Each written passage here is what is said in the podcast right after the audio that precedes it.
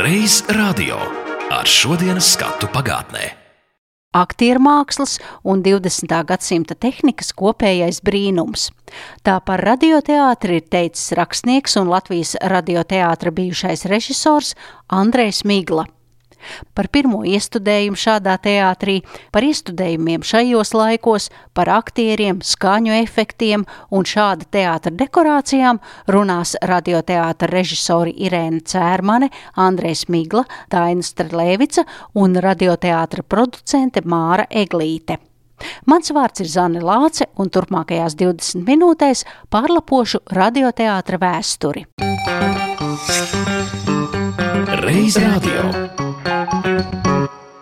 Par radioteātra dzimšanu var uzskatīt 1927. gada 17. augustu, kad aktiera un režisora Voldemāra Feldmaņa vadībā tiek atskaņots Rudolfa Blaumaņa viencēliens pēc pirmā mītiņa. Toreiz lomas ieskaņoja pats Voldemārs Feldmanis, Anta Klīns, Ludmila Špilberga un Teodors Potnieks. Kā Latvijas radio vēstures grāmatā raksta bijušais radiorežisors Andrejs Migla, tas bija ideāls materiāls labas radioizrādes sagatavošanai. Sulīgā blaumaņa valoda, spraigais sižets, vietas un laika vienība lugā un nelielais aktieru ansamblis. Radio iestudējums guva plašu atsaucību un to atkārtoja vairākas reizes.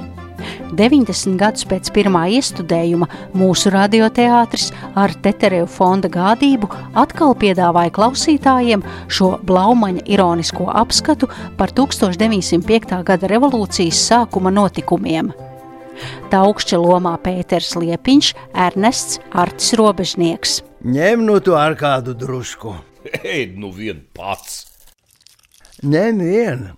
Nedomā, ka nāgas. Tās man sacīja tikai no tām melnām mizām. Vai nu es tādēļ? Paņem šķēli un ēd. Miza gan tāda sadegusi, kad samaltu. Mem, mem, viņam melnas sutņas, iznāktu melnās sutņas.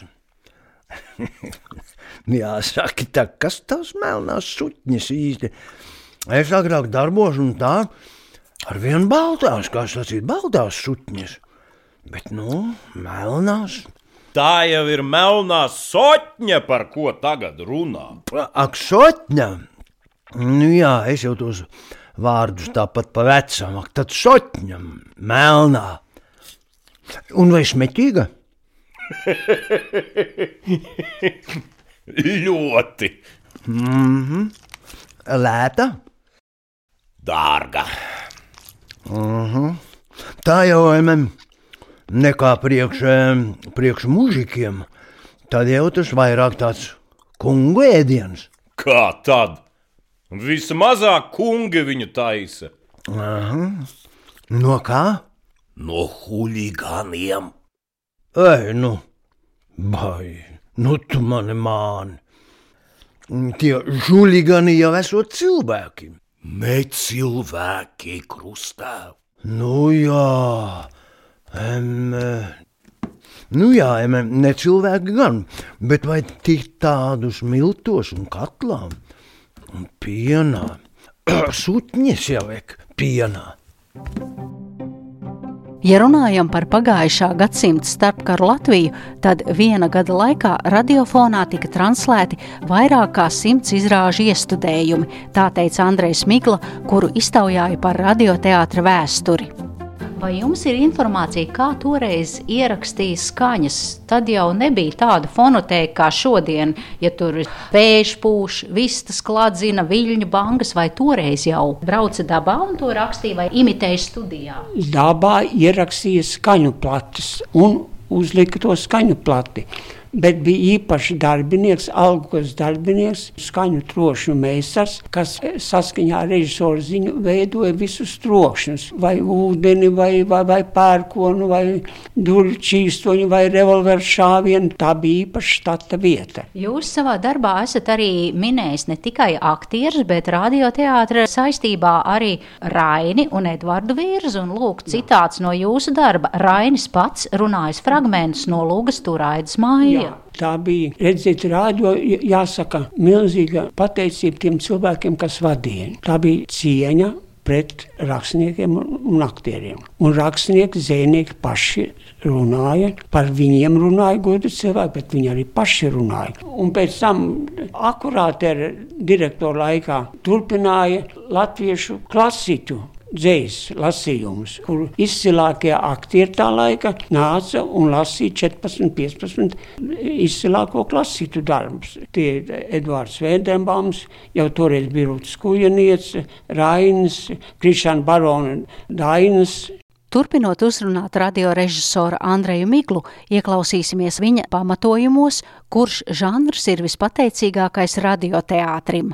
Raidlugu princips ir viensēlieni un noveles. Kāpēc tā? Tāpēc, ka novelēs ir vienmēr nezināmais, tas nezināmais ir jāatklāj, un noveles beigās ir tāds pagrieziens, kas tik negaidīts, ka pat klausītāji to nevar paredzēt. Un galvenais īsums - 45, 50 minūtes, tas, kas rādio vajadzīgs, ideāli. Teiksim, viens cēliens pēc pirmā mītīņa, blaumai. Tas ir klasisks viens cēliens, bet viņš ir, viņš ir pateicīgs, viņu vēl tagad spēlē. Čaukstens, brigaders, ir pateicīgs viens cēliens, viņš ļoti bieži gāja visos laikos un vēl tagad spēlē. Tad vēl es savu lielo sudraba kannu ar pirku. Un, un tad ar tiem... Lūdzu! Lūdzu, ņemiet maizi, manas dāmas. Cēna maize. Ah, Brīnumistabas es torta, kas torta. Jā, jā. Vai nav laba? Ah, Maz aizdara. Pie tādām lietām nevar aizdara taupīt. Es, kad lieku cept, nekā nežēloju. Lieku rožveļu, cukātu mandeles. Dārgs jau nu tad gan viss iznāk.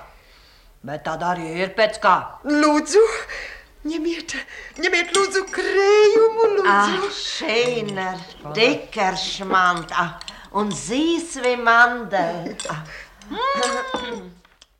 Te arī fragments no 1955. gada ieraksta un Annas brigaderes darba iestudējumā Čaukstenes dzirdējām Emu Ezeriņu, Antu Klinti un Olgu Lejaskalni. Reiz radio. Tā kā mūzikā mums jādzird tembri, alts, soprāns, bass, baritons. Jo, ja mēs to neatšķiram, tad klausītājs, ja mēs tagad atskaņojam lūgu, un tur ir 20 darbojošās personas, un viss saplūst vienā tonī, tad neviens nesaprot, kas tur runā. Tāpēc tā ir viena no radioteātra režisora varbūt tādām kvalitātēm, ka viņam jādzird, tas ir galvā, jādzird pirms viņš dala lomas. Tā teica Irēna Cērmane. Tādu iestudējumu kā Mazā rāganiņa, Dženitors, Svētezers, Billis skaistā jaunība, Garkāja tētiņš un vēl daudzu citu radio iestudējumu autore. Viena no īpašībām vai kvalitātēm vai radiorežisoram ir jābūt ļoti spilgtai iztēlei. Arī skatuves režisoram ir jābūt iztēlei, protams, bet man tā šķiet, pa šiem gadiem, ko esmu šeit nodzīvojis, man šķiet, ka mums radiorežisoriem tā iztēle ir spēcīgāk izteikta, jo mēs jau nedarbojamies ar plastiku.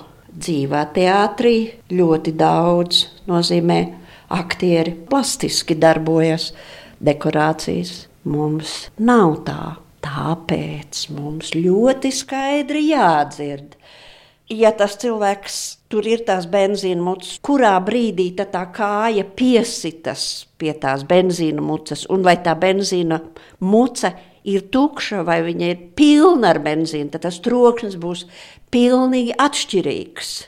Kā tiek pārveidota parastā luga par klausītājiem labāk dzirdamu lugu. lai viņš savā galvā var tās bildes uzbūvēt pats. Viņam neviens nenorāda, te ir tāda dekorācija, te stāv tā un te ienāk tā. Viņš pats var savā galvā veidot to, kur vēl labāk. Vai arī viņš ar naida pilnām acīm paskatījās, vai viņa mulsi burzīja kabatlakatiņu. Tieši kā tā. to parādīt, parādīja, parādīt, es domāju, pēdiņās. Kā mulsi burzīja kabats lakatiņu. Jā. To varētu acīm redzot, ja tai laikā ir arī verbāli kaut kas nu, jārunā tam cilvēkam. Ja? Viņš runās citādāk nekā kad viņš neburzīs kabats lakatiņu rokā. Tas viss tiek caur balsi. Bet ir pilnīgi nepareizi, un es nepiekrītu tam, ka tā ir tikai balss. Tā ir iekšējā darbošanās, kā jebkurā teātrī, kā jebkurā dzīvā teātrī. Kam tur tik glaudi stilbi? Ha? Ā, Ramūne, nebaidies, nebaidies. Vai esi viena? Kāda tev daļa?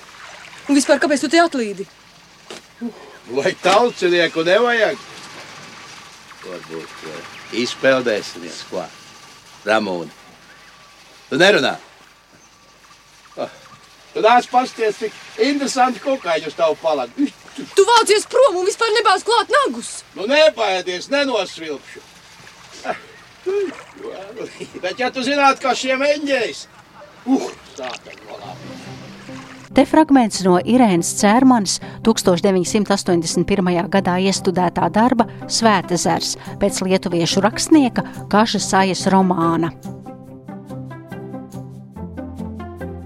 Skaņu ainava jeb angliski soundscape. Tādu nosaukumu lieto radio ļaudis angliski runājošās zemēs, un manuprāt tas ļoti precīzi raksturo radioteātra darbus attēli, kas ir radīti ar skaņas palīdzību. Un radioteātris savus akustiskos attēlus ir darinājis kopš radio pirmsākumiem līdz šai dienai. Tehnoloģijas ir mainījušās, bet nemainīgi ir palikusi režisora vēlme ar skaņu uzbūrt vīziju klausītāju acu priekšā. Es sevi noķēru pie tādas saprašanas, cik brīnišķīgi ir redzēt caur dzirdi. Un, redz, un tā ir arī tā, tāda fantāzija, ar kuru jau nu, mēs varbūt esam nu, tādi cilvēki, kas arī to ir studējuši un ar to nodarbojušies gadiem, un tā no mazotnes būtībā, jo no bērnības, tad fantāzijas tie lidojumi.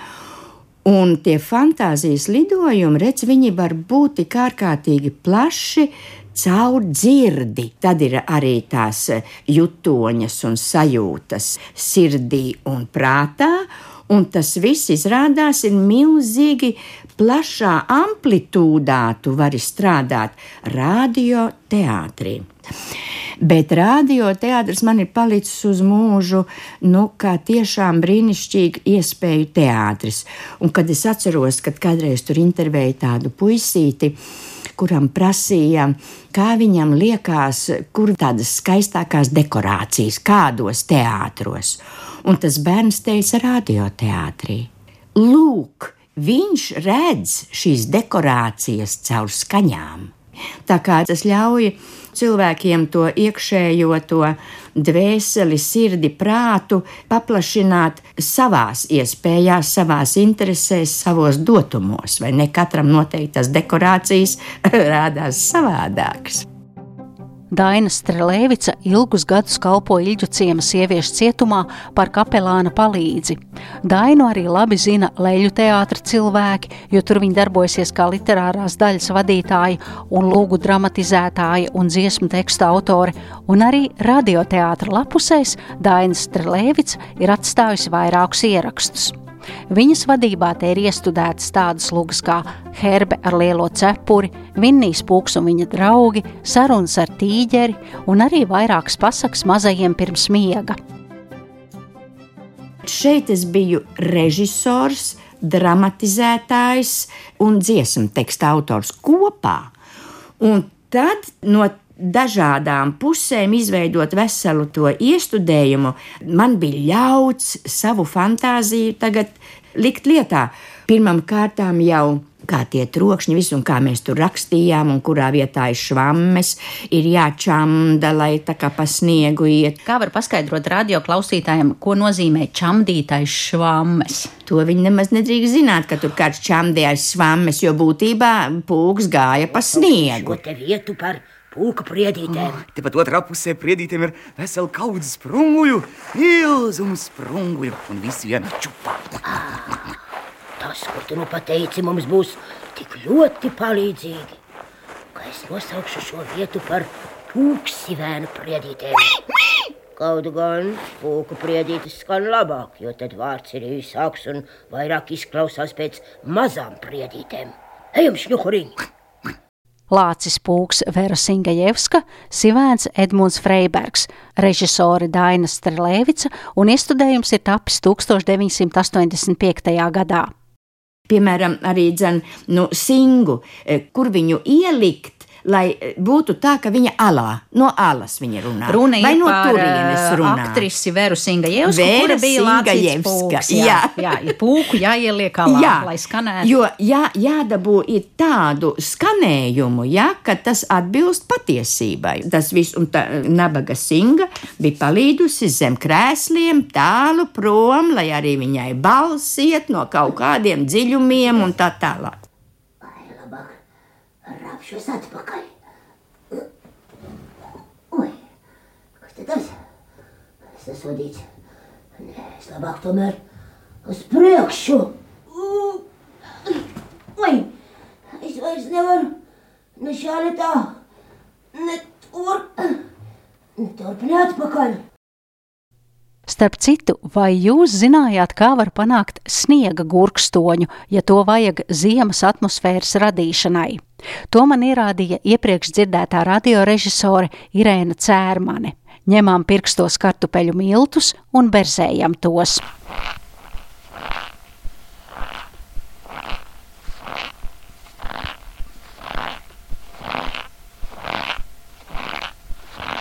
Un lūk, jums arī sniegs. Arī tagad, veidojot iestudējumus radioteātrī, tiek plaši izmantot skaņu krājumi, kas pieejami internetā, bet reizēm ierakstam ir vajadzīgas tā teikt dzīvās skaņas. Par to stāsta radioteātra producente Māra Eglīte. Jāteic tā, šīs skaņas pēc studijas remonta darbiem, kas notika pirms, nu man jāteic, pirms cik gadiem, četriem, pieciem apmēram. Un tad Visa studija ierakstu tika izvākta, iztīrīta, jo līdz tam bija zem grīdas gan oļi, gan asfalts. Varēja visu to varēja dabūt. Bija gan kāpnes, pa kurām kāpa augšā jau vajadzēja čīkstošas kāpnes, bija durvis, kuras varēja virināt. Mums bija vesela virkne katliņi, trauki, viss nepieciešamais, lai mēs varētu radīt šo klātbūtnes efektu, tā kā tas ir īstenībā un patiesībā notiek dzīvē. Ja? Šobrīd, protams, tas viss ir dabūnams internetā. Tā kā nav vairs šī nepieciešamība, kaut gan man Kristīna Zoltarenko, skaņu režisora, brauca pati tramvajā. Viņa teica, es tomēr gribu tās skaņas ierakstīt, jo man vajag iestudējumam. Un viņa rakstīja reportierīt šīs skaņas, tramvaja skaņas, kā čirkstie riteņi un tā tālāk. Jā, ka tas tomēr ir dabīgais, ir dabīgais. Ir.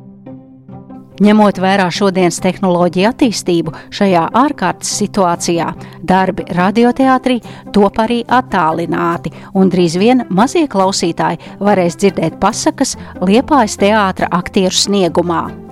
Nu, šoreiz tas varbūt tieši par šiem liepais teātriem aktieriem Andriem Miglam rudenī būs 80 gadi. Un viņš teica, viņš grib radioteātrim kaut ko dāvināt no sevis. Un šis kaut kas, viņš saka, ļoti maz ir liepais teātra aktieru ieraksti. Un visi viņi bija ar mieru, bez maksas šo darbu izdarīt. Un, uh, viņi mums ierakstīja tekstus. Elmārs Drēblats jau savā studijā atsūtīja mums gatavus tekstus. Nu, kāds viņš būs, to klausītāji varēs vērtēt no 25. līdz 30. maijam, vakara pasakiņas laikā, kā mums skanēs. Jā. Zvērojošām acīm Milzis paskatījās uz viņu un sacīja: Ko tu te meklē un kā iedrošinies man tuvoties? Es esmu īliņš, nācu pasauli aplūkot un tīru gaisu ielpot. Nu, labi, ka esi atnācis. Bet vai zini ko? Sviedīsim šo manu dzelzceļa gaisā. Kurš no mums augstāk uzsviedīs, tas būs saimnieks. Otrs būs atkal viņa kalps. Pats metīšu pirmais. Labi, metīsim, sacīja īliņš. Man vienalga, kas pirmais met. Milzis svieda savu zizli gaisā, pēc pusstundas tas nokrita atpakaļ zemē un bija tikai saliecies. Bet, kad īliņš saveicinājis drāza augšā, Zīles tikai pēc veselas stundas nokrita atpakaļ un pārlūza pa vidu pušu, bet abi gali iedūrās zemē. Milzis tverdams pēc sava zīžļa, kur lai ņemu kalēju, kas lai sakaļ manu zīzli, te jau tuvumā neviena paša nav. Tas bija fragments, kurā Edgars Pujāts lasīja pasaku par īliņu. Un noslēgumā, pārlūkojot mūsu fonotēkas retumus un dārgumus, jūsu uzmanībai tāds unikāls ieraksts, ko Otrā pasaules kara laikā no sabombardētās radioēkas iznesa latviešu filmu un teātra režisors un aktieris Vilis Segliņš. Tā ir plate, kurā Eduards Smilģis ir ierunājis Raiņa dzēju. Šalts vējš un zaļo zaru skuļu es skatos caur ziedošo zāli. Kā mūžīgos tvaikos pilsēta guļ, visapkārtai migla tāli, tāli.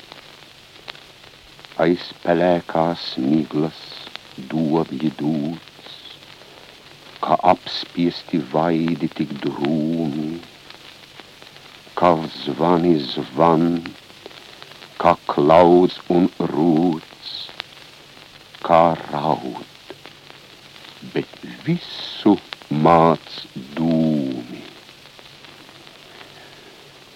Līdz kalniem ar vēju tik noskaņas klīst, no pilsētas trokšņiem un vaidiem, pret zaļiem zariem noskaņas šķīst vējš izmētā viņas ar smaidiem.